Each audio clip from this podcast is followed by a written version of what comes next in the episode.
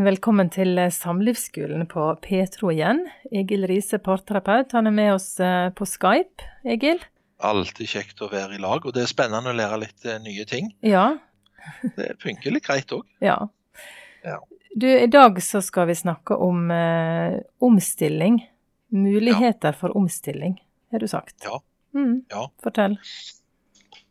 Ja, for på en måte så Situasjonen er spesielle, men i livet så er det jo sånn at vi, at vi vil eller ei kommer i situasjoner med omstilling.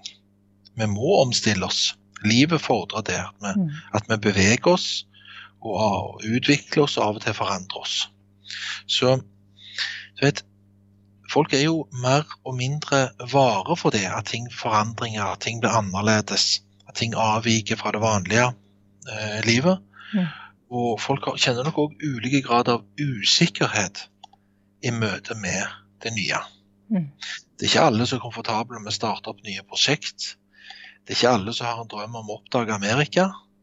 Det er ikke alle som har en drøm om å dra rundt jorda uten kart, holdt jeg på å si, eller være førstemann på Mars.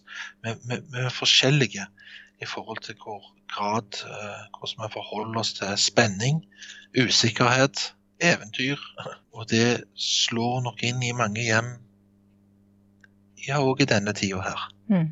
Ting er bevegelse, jobber, eh, daglig undervisning av unger, kontakt med de andre, Mm. vanlige tingene man eh, sosialt inngår i. Veldig mange forandringer eh, for enkelte. Mm. Mye usikkerhet. Ja, nå er det veldig mye usikkerhet. Mm. Men hva tenker du liksom Hva tenker du for din del liksom, er viktig da, i, når ting omstiller seg? Liksom, hva, hva er det man må være opptatt av da, liksom, for å få det til som familie, eller Nei, må ikke en eh, sette ord på det litt sånn eh, klart til de andre? At eh, det trenger jeg nå. Og Det syns jeg var veldig godt sagt.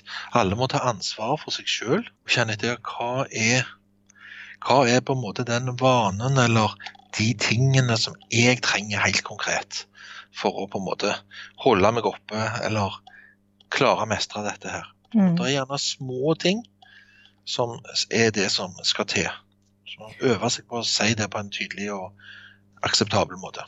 Ja, og vi har jo snakket også før at noen er jo ekstrovert, og noen er introvert. Og det kan jo kanskje komme veldig sterkt til syne i familier i denne tida. At noen trenger rett og slett en, eh, en liten pause vekk. Ja, for noen er jo dette drømmen om en eh, veldig lang seilas, og for noen er med hele familien. Og for noen så er det skrekken. Mm. Så, så uten egen tid. Så det er jo et veldig godt eksempel på at eh, hvordan, skal, hvordan skal vi trives og få eh, behovene oppfylt. Trenger noen å være litt alene, trenger noen å lese vg.no for å klare seg hver dag.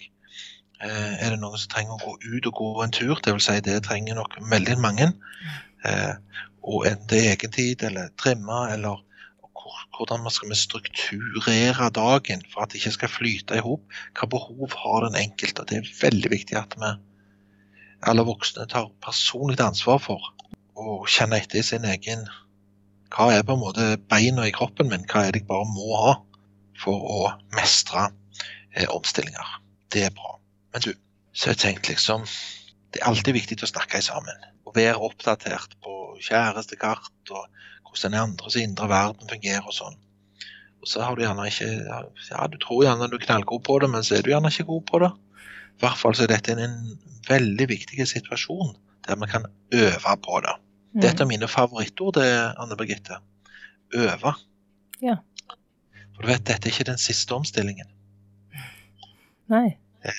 Og det er noe vi kan Det er en ressurs i det. Er at vi kan alltid dra nytte av, av hvor, liksom det vi lærte om hvordan vi virker som lag Mm. i omstilling. Så det vi lærer oss nå, det kan vi ta med oss videre inn i andre omstillinger, eller andre ting som familien skal være gjennom, eller parforhold, eller personlig. Mm. Du er enig i det? Ja.